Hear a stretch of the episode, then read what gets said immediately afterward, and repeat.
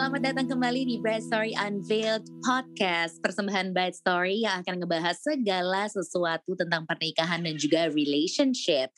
Di episode kali ini kita akan ngebahas seputar trust issue. Hmm, Mungkin nih, mungkin aja untuk brides to be gitu ya. Kita udah tahu dan sering denger juga kan kalau si trust issue itu tuh artinya masalah di mana kita atau yang ngalamin punya kesulitan untuk membangun kepercayaan terhadap orang lain. Bisa ke orang tua, ke saudara, teman, atau pasangan. Nah, kita juga akan ngegali lebih dalam lagi tentang masalah ini, lengkap banget mulai dari tanda kita memiliki trust issue, kenapa sih seseorang tuh bisa punya trust issue gitu, sampai dampak trust issue terhadap kehidupan rumah tangga, serta gimana nih calon pengantin atau pasangan suami istri bisa mengatasi hal ini. Enggak, enggak akan sendirian tentu, tapi ditemani oleh seorang pakar yang paham banget soal trust issue ini. Saya langsung perkenalkan saja. Kenalin, expert kita kali ini adalah Ines Kristanti yang merupakan seorang clinical psychologist dan educator di bidang sexuality, women, and relationship dari tiga generasi.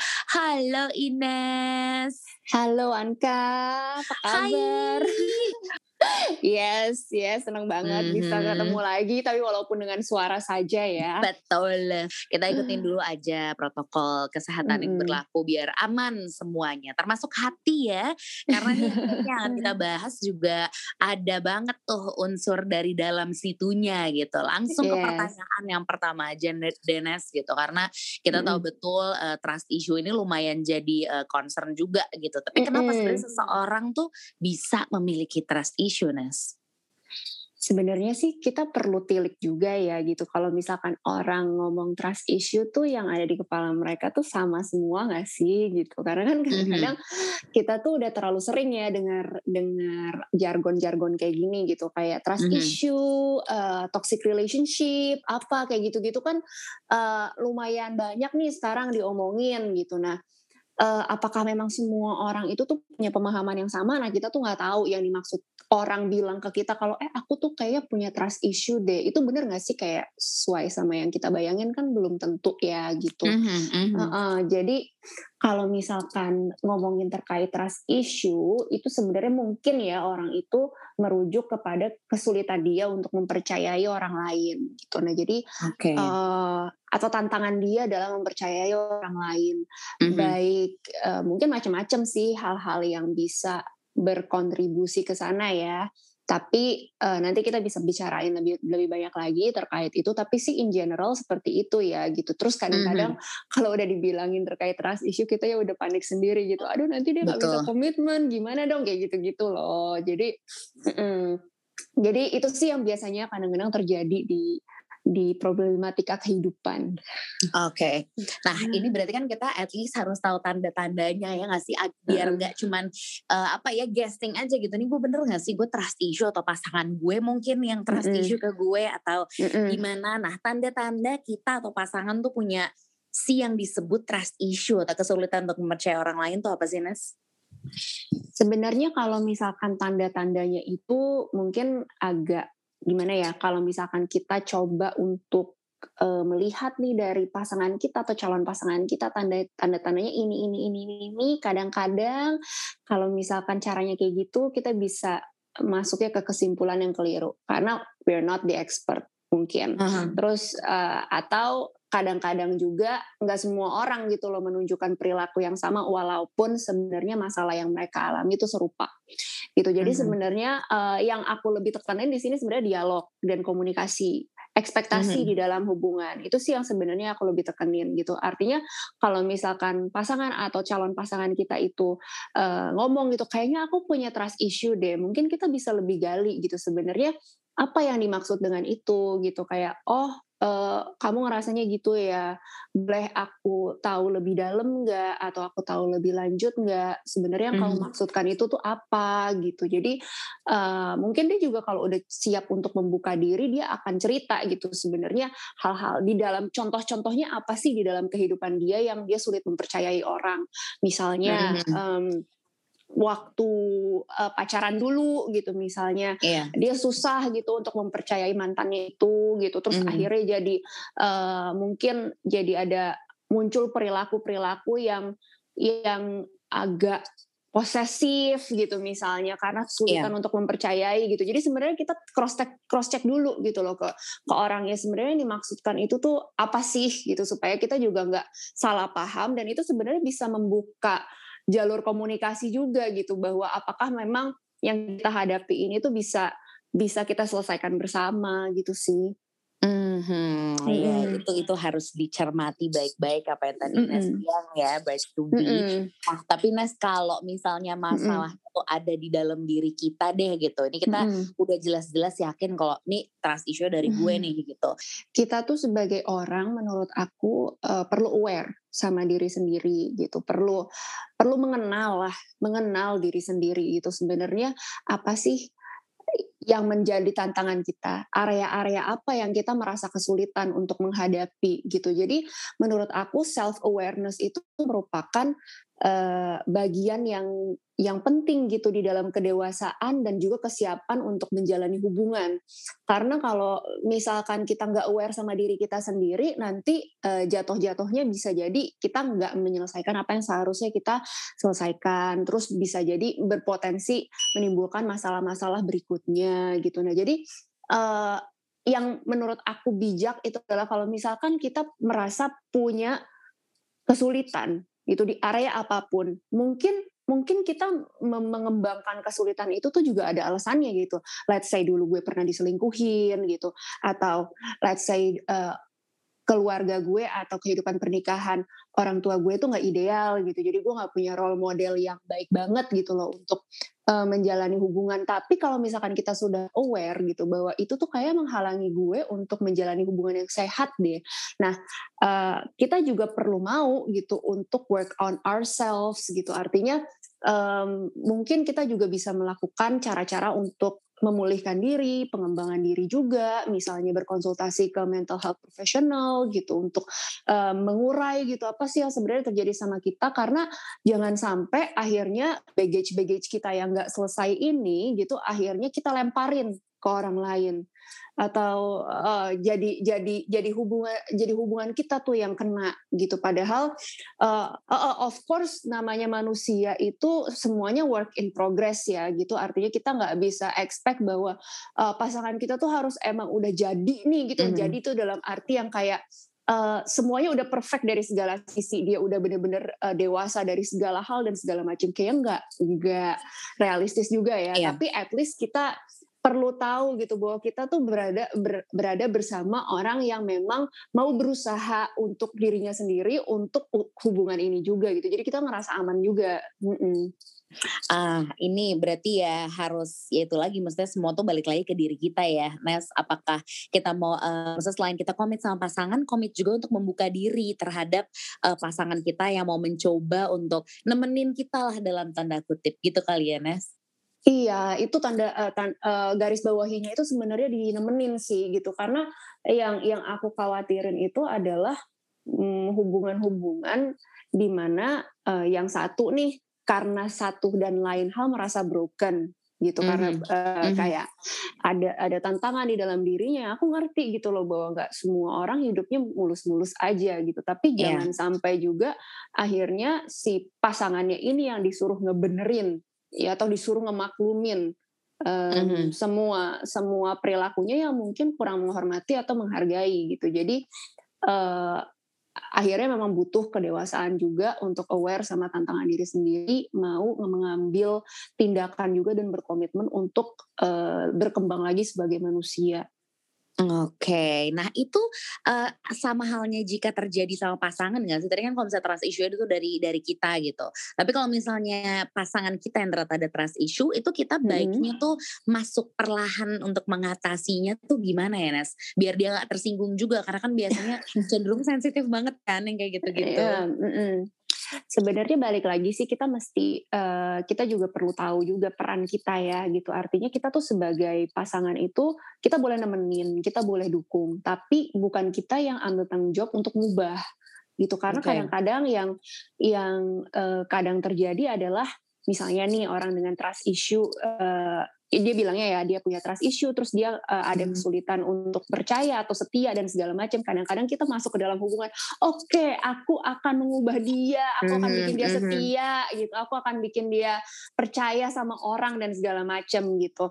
By the way belum tentu semua trust issue pasti selingkuh ya enggak tapi um, itu tadi tadi contoh aja ya gitu. Bahwa bahwa kita um, mungkin aja masuk ke dalam relationship dengan mental seperti itu gitu loh. Kayak aku pokoknya mau ngerubah orang ini gitu. Nah itu juga sebenarnya nggak sehat gitu. Karena kalau misalkan kayak gitu kita udah mengambil uh, porsi pengembangan dirinya uh, itu sebagai tanggung jawab diri kita sendiri gitu. Tapi memang memposisikan diri kita sesuai dengan porsinya, yaitu uh, kita sebagai pendamping, kita sebagai orang yang bisa mendukung, tapi sebenarnya kita tetap uh, mem memberikan dia uh, kesempatan untuk mengambil tanggung jawab untuk pengembangan dirinya sendiri gitu. Mm-hmm, Oke okay deh. Di hmm. note ya, Brides to be, ini memang rada PR sih ya topik kita iya. kali ini. Cuman kalau misalnya kalian bisa figure out this problem, harusnya akan memudahkan kalian dalam menjalani hubungan ke depannya gitu. Apalagi kalau misalnya rencananya adalah menikah, artinya akan seumur hidup gitu dengan orang yang tadinya mm-hmm. um, kita sudah terima gitu bahwa ya gue terima dia padanya, dia memang ada trust issue ya sudah kita memang komit juga untuk mendampingi mendampingi uh, sisi tersebut lah gitu. Nah terus kalau dampak negatif deh dari masalah ini Nes gitu terutama pas kita mulai menjalin hubungan dengan seseorang hingga akhirnya memutuskan untuk menikah. Apa yang harus dilakuin ketika trust issue udah sangat serius banget dan ini hmm. ini ganggu lagi nih gitu. Ini harus kita omongin nih gitu. Makanya hmm. dampak negatifnya tuh apa gitu. Kalau saran aku sih memang kalau misalkan sudah terasa gitu sebelum menikah, uh, jadi atau sebelum mempersiapkan pernikahan itu coba untuk diselesaikan dulu gitu, coba diselesaikan bersama dulu gitu. Uh, mm lebih ideal seperti itu daripada nunggu gitu setelah setelah nikah atau uh, dibiarin gitu. Nggak diselesaikan pas nikah mungkin nanti juga jadinya kita juga lebih ketar ketir gitu. Kita juga Betul. lebih uh, lebih ngerasa nggak tenang gitu kan. Karena uh, masuk ke dalam sesuatu yang sebenarnya kita masih nggak tahu nih what to expect gitu kan. Jadi Uh, sebaiknya itu kalau misalkan memang uh, isunya sudah muncul dan memang idealnya itu hal-hal kayak gini munculnya di sebelum uh, berkomitmen lebih lanjut ya gitu. Supaya kita bisa bisa uh, coba menyelesaikan itu dulu bersama-sama sebagai pasangan gitu. Lihat apakah memang uh, ada kesesuaian di sana. Aku uh, ternyata cara pandangnya sama dia sama apa enggak itu kan juga bisa menjadi sebuah apa ya sebuah latihan juga gitu untuk untuk pasangan untuk melihat bagaimana mereka sebagai menjalani kehidupan berpasangan itu gitu. Nah, jadi hmm. uh, sebaiknya sih memang itu dibicarakan sedini mungkin ya gitu. Jadi yeah. Iya. uh, karena kalau misalkan ditanya dampak negatifnya itu apa, um, aku sih nggak nggak aku nggak mau nakut nakutin gitu ya aku nggak mau nakut nakutin gitu. Cuman uh, namanya kalau misalkan orang udah bilang kayaknya aku susah nih untuk uh, percaya sama orang lain. Nah itu biasanya juga di dalam pacaran atau di dalam proses mengenal itu juga sudah menimbulkan dampak gitu sebenarnya gitu. Hmm. kalau bisa uh, bukan bukannya benar-benar baru ada yang dipendem pas, gitu ya ada yang uh, dipendem dan ya akhirnya itu jadi pasti jadi akar masalah juga ujung-ujungnya nanti atau dari perilakunya sehari-hari juga bisa kelihatan gitu loh maksudnya hmm. uh, uh, bisa kalau misalkan konflik-konflik yang terjadi sehari-harinya kalau ditilik-tilik mungkin bisa aja ada hubungannya dengan kepercayaan dia bahwa dia memiliki trust issue gitu kayak hmm. Hmm, kayak misalnya dia kalau misalkan kita bilang sesuatu gitu dia kayaknya um, sulit untuk mempercayai gitu mana coba uh, buktinya apa segala macam kayak gitu gitu loh jadi mm-hmm. uh, kadang-kadang itu kan bisa jadi arahnya ke perilaku posesif gitu kalau misalkan memang di, dibiarkan gitu kan. Terus uh, kalau misalkan memang sudah terjadi perilaku atau pola yang posesif itu kan sebenarnya juga nggak sehat ya untuk hubungan gitu karena kita mungkin jadi kesulitan untuk memiliki privasi gitu karena mm -hmm. uh, ya apa yang kita omongin gitu belum tentu dia terima itu sebagai kenyataan gitu kan. Yeah. Akhirnya dia uh, uh, akhirnya dia pengen tahu, pengen tahu, pengen tahu gitu atau kita yang pengen tahu, pengen tahu, pengen tahu gitu kan. Mm -hmm. Jadi um, Jadi di situ kan juga uh, sudah muncul hal-hal yang mungkin bisa berkembang menjadi pola yang tidak sehat kan. Kalau misalkan yeah. memang uh, let's say privasinya jadi terganggu, kemudian otonominya jadi terganggu juga, uh, keleluasan kita untuk bergaul, untuk berteman, untuk mm -hmm. mengembangkan diri itu juga jadi uh, mungkin bisa terdampak. Nah, hal-hal kayak makanya penting banget sebenarnya proses pengenalan sebelum menikah gitu. Jadi supaya okay. itu bisa diselesaikan, coba diselesaikan bareng-bareng dulu sebelum mm-hmm. berkomitmen ke arah yang lebih lanjut gitu. Oke, okay. terus bisa nggak sih sebenarnya seseorang mengobati atau menghilangkan si rasa trust issue ini, Nas? Karena ya, ya misalnya nggak kebayang aja sih. Kalau gue sih kayaknya enggak ya, nggak sampai trust issue gitu. Cuman mm-hmm. kebayang kalau yang sampai udah, wah ini mungkin mm-hmm. kalau dilihat dari kadarnya ini udah trust isunya mentok nih gitu. Itu mm-hmm. gimana kira-kira masih ada kemungkinan untuk mereka healing atau ya mengobati atau menghilangkan rasa ini ya? Sebenarnya healing itu kan balik ke diri kita sendiri lagi ya gitu. Mm-hmm. Dan uh, salah satu apa ya tahapan untuk kita memulai healing adalah kalau misalkan kita sudah bisa uh, owning our problem gitu. Jadi uh, mungkin mungkin ya uh, kita memang bisa saja gitu loh menilik apa sih sebenarnya yang berkontribusi pada trust issue kita ini. Kadang-kadang atau hal yang kita anggap sebagai trust issue ini misalnya oh karena gue pernah diselingkuhin, karena orang tua gue bercerai mungkin atau hal-hal yang lainnya gitu. Nah, tapi kalau misalkan kita masih terus-terus gitu menyalahkan hal-hal yang itu dan akhirnya merasa bahwa oh ya udah memang ini tuh emang ini nasib gue emang uh-huh. orang gue emang gue orangnya kayak gini dan pasangan gue itu harus terima nah kalau misalkan kita punya paradigma yang seperti itu itu juga mungkin gak sehat uh, untuk hubungan dan juga gak sehat iya. untuk kita yang yang yang mau gitu loh. Karena kita kita ngerasa kayak hidup kita itu tuh udah ditentukan oleh masa lalu kita dan kita kayak nggak punya uh, kemampuan sama sekali gitu loh untuk berkembang atau mengubah keadaan. Jadi uh, itulah makanya kadang-kadang ada orang yang bilang ya aku emang orangnya begini kok jadi kamu terima aja gitu. Nah itu sebenarnya hmm. juga bukan sesuatu yang sehat ya untuk dibicarakan. Karena memang betul gitu untuk hal-hal yang kita tidak bisa ubah itu uh, misalkan masa lalu kita, kita uh, latar belakang kayak gimana, itu kan memang hmm. sesuatu yang perlu kita saling terima ya uh, iya. dalam berpasangan. Tapi untuk hal-hal yang memang kita bisa kembangkan kan kita juga sebagai manusia juga boleh dong dan justru penting gitu untuk mengambil uh, kendali itu. Jadi kita yang yang yang ngambil kendalinya. Jadi kalau misalkan mm -hmm. ditanya apakah memang uh, keadaannya bisa improve atau enggak, itu benar-benar balik dari pribadi masing-masing lagi sih. Jadi uh, pesanku sih bukan bukan menjadi orang yang sempurna ya, tapi orang yang cukup aware dengan dirinya sendiri dan um, kalau misalkan ada tantangan-tantangan itu memang mau kita ambil tanggung jawabnya untuk akhirnya kita uh, coba atasi secara pribadi gitu. Oke, okay, baiklah. Mm-hmm. Ini wah makin makin dalam nih Nes yang ngomong gitu ya. Karena mungkin orang tak maksudnya banyak banyak juga yang nggak nggak aware mungkin tentang trust issue cuman taunya ya dia posesif gitu. Cuman ternyata di balik mm-hmm. maksudnya posesif tuh apa? Berarti turunannya kali ya atau ada di dalam si trust issue juga berarti kali? Uh, sebenarnya kita nggak, uh, aku sih nggak mau terlalu bilang, oh ya kalau misalkan uh, posesif itu, tuh pasti hmm. pasti karena ini ini hmm, ini gitu kan, karena mungkin banyak hal-hal yang bisa berkontribusi juga kali ya. Tapi kalau iya, iya. kita coba pikirin gitu ya, kita coba memahami, uh, mungkin aja gitu sebenarnya hmm, perilaku posesif itu tuh juga jadinya ada ada isu kepercayaan di sana gitu, di mana saya tuh uh, kesulitan untuk mempercayai pasangan saya atau orang-orang mm -hmm. in general gitu kan. Oke, okay. karena mm -hmm. ya kalau kita ngomongin soal rasa saling percaya kan sebenarnya itu salah satu kunci ya gitu di pernikahan mm -hmm. yang maunya yeah. harmonis, maunya langgeng gitu. Cuman kalau yeah. misalnya trust issue ini justru muncul di tengah-tengah perjalanan pernikahan sepasang suami istri, how can they recover and regain each other's trustiness? Hmm, iya itu memang menjadi PR sih, PR uh, artinya kalau misalkan ada satu kejadian atau beberapa kejadian di dalam pernikahan yang akhirnya menggoyahkan kepercayaan itu, itu memang tidak bisa dipungkiri mm -hmm. bahwa itu sesuatu yang menjadi PR gitu loh untuk untuk dua-duanya gitu sebenarnya. Karena yang yang satu itu pada akhirnya uh, seolah-olah ya kayak dia kan juga juga membuktikan gitu bahwa saya tuh bisa loh dipercaya lagi gitu tapi sebenarnya yang satu lagi juga merasa tersakiti gitu mungkin karena uh, sudah sudah mm.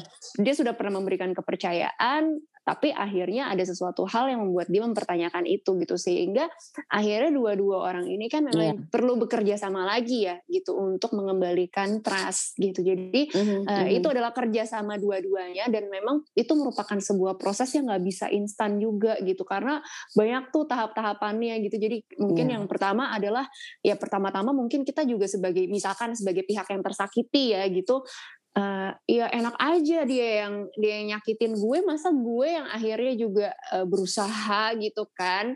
Nah tapi sebenarnya kalau misalkan um, memang betul dari pihak sananya itu juga memang perlu perlu betul-betul berusaha untuk mengembalikan uh, kepercayaan gitu. Tapi dari kita juga perlu membuka diri, bertanya pada diri kita juga, apakah saya bisa dan mau mempercayai orang ini lagi gitu. Jadi uh, kita sama-sama uh, berjuang lah untuk mengembalikan, berusaha mengembalikan atau mungkin bahasanya tuh bukan mengembalikan ya karena mungkin apa yang ada dulu itu tidak bisa persis diulang sekarang tapi uh, mendapatkan atau me mengembangkan kepercayaan itu lagi. Mungkin um, ada hal-hal yang berbeda dari dulu dan itu tidak bisa dipungkiri, tapi apakah kita mau mengembangkan kepercayaan itu bersama-sama lagi sebagai pasangan gitu.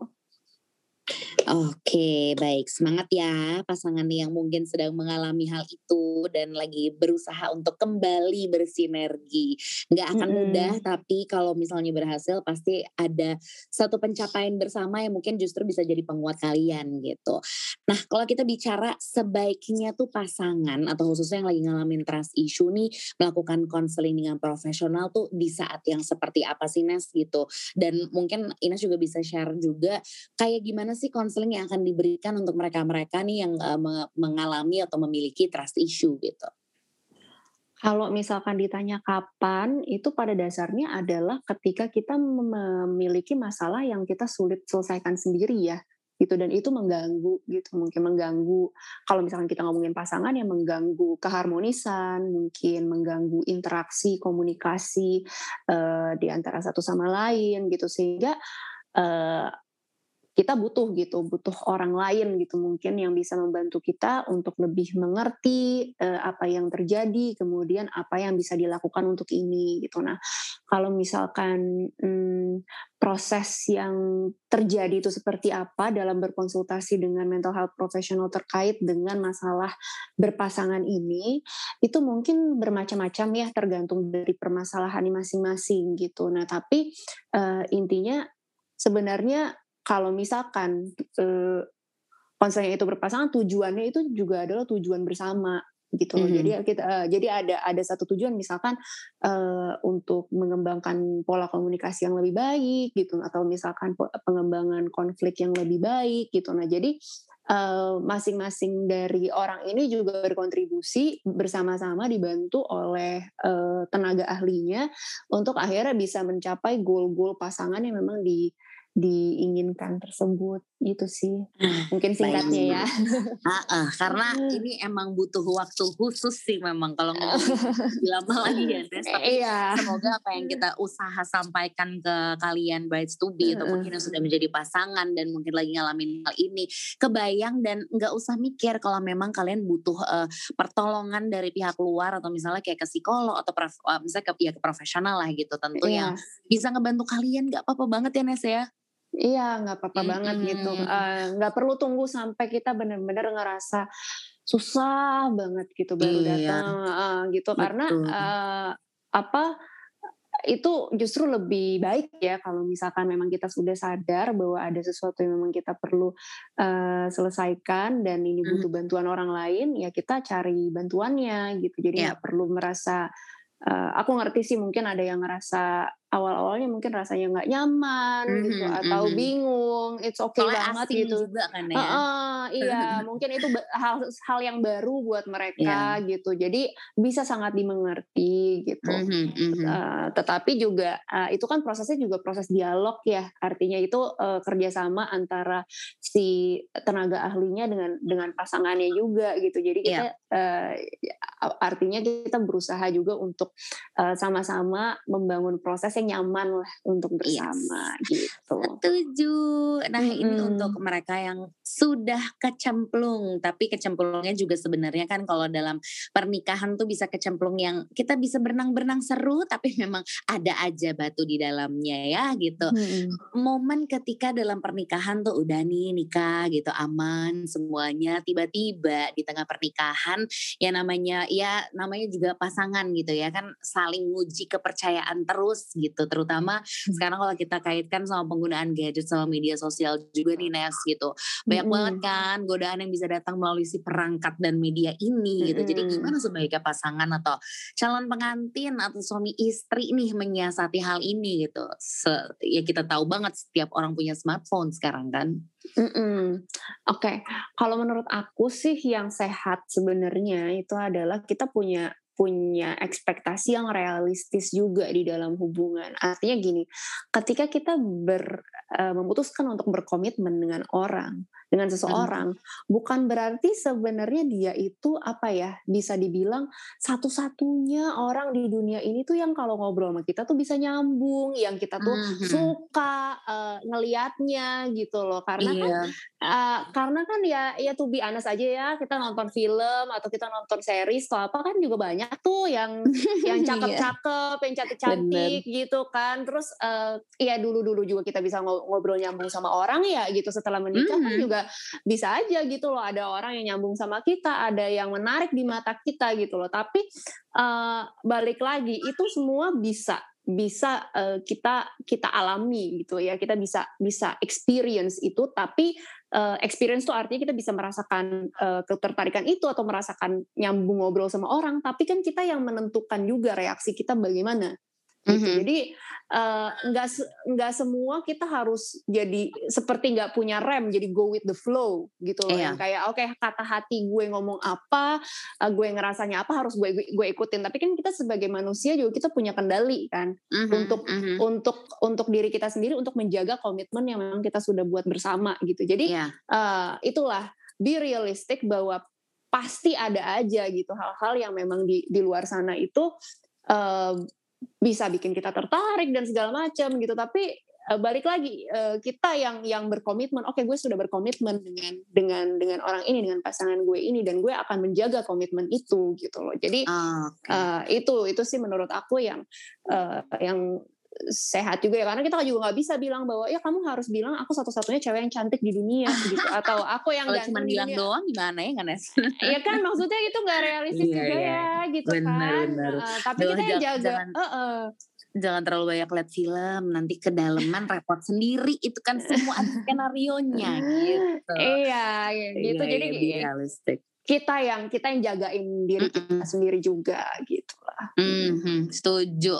Seru, mm-hmm. seru banget bahasannya ya ampun. Mungkin kalian yang tadi yang nggak sempat kepikiran bahwasanya ada ya trust issue. Jangan-jangan justru setelah dengerin episode ini kalian jadi berpikir apakah memang uh, apa ya trust issue yang kalian punya nih harus either dikontrol atau mungkin kalian uh, ngerasa enggak masih mana-mana aja atau mungkin kalian butuh uh, profesional gitu untuk menyelesaikan masalah trust issue ini biar hubungan kalian sama pasangan ke depannya bisa jauh lebih lancar gitu kan. Namanya nyiapin pernikahan itu tuh ada aja gitu godaannya. Nah itu. Jadi semoga semua yang tadi disampaikan uh, bisa kembali menyemangati kamu untuk mungkin mendampingi pasangan kalian yang ada trust issue atau lebih semangat lagi untuk mendampingi diri sendiri gitu. Lebih kenal lagi sama diri sendiri biar bisa lebih mengolah dan meneliti rasa yang kalian punya gitu. Karena yang namanya rasa saling percaya itu kan udah wajib ya dimiliki sama pasangan suami istri biar bisa ngejalanin pernikahan dengan baik dengan harmonis langgeng pula.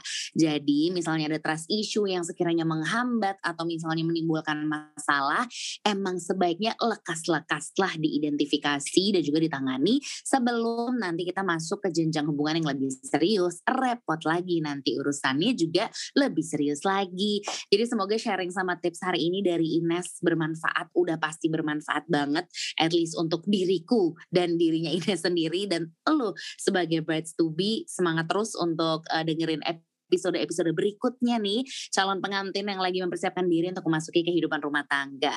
Dan untuk Ines, terima kasih sekali lagi untuk waktunya Ines ya. Thank you Angka. Thank you so much. Salam untuk teman-teman tiga generasi juga.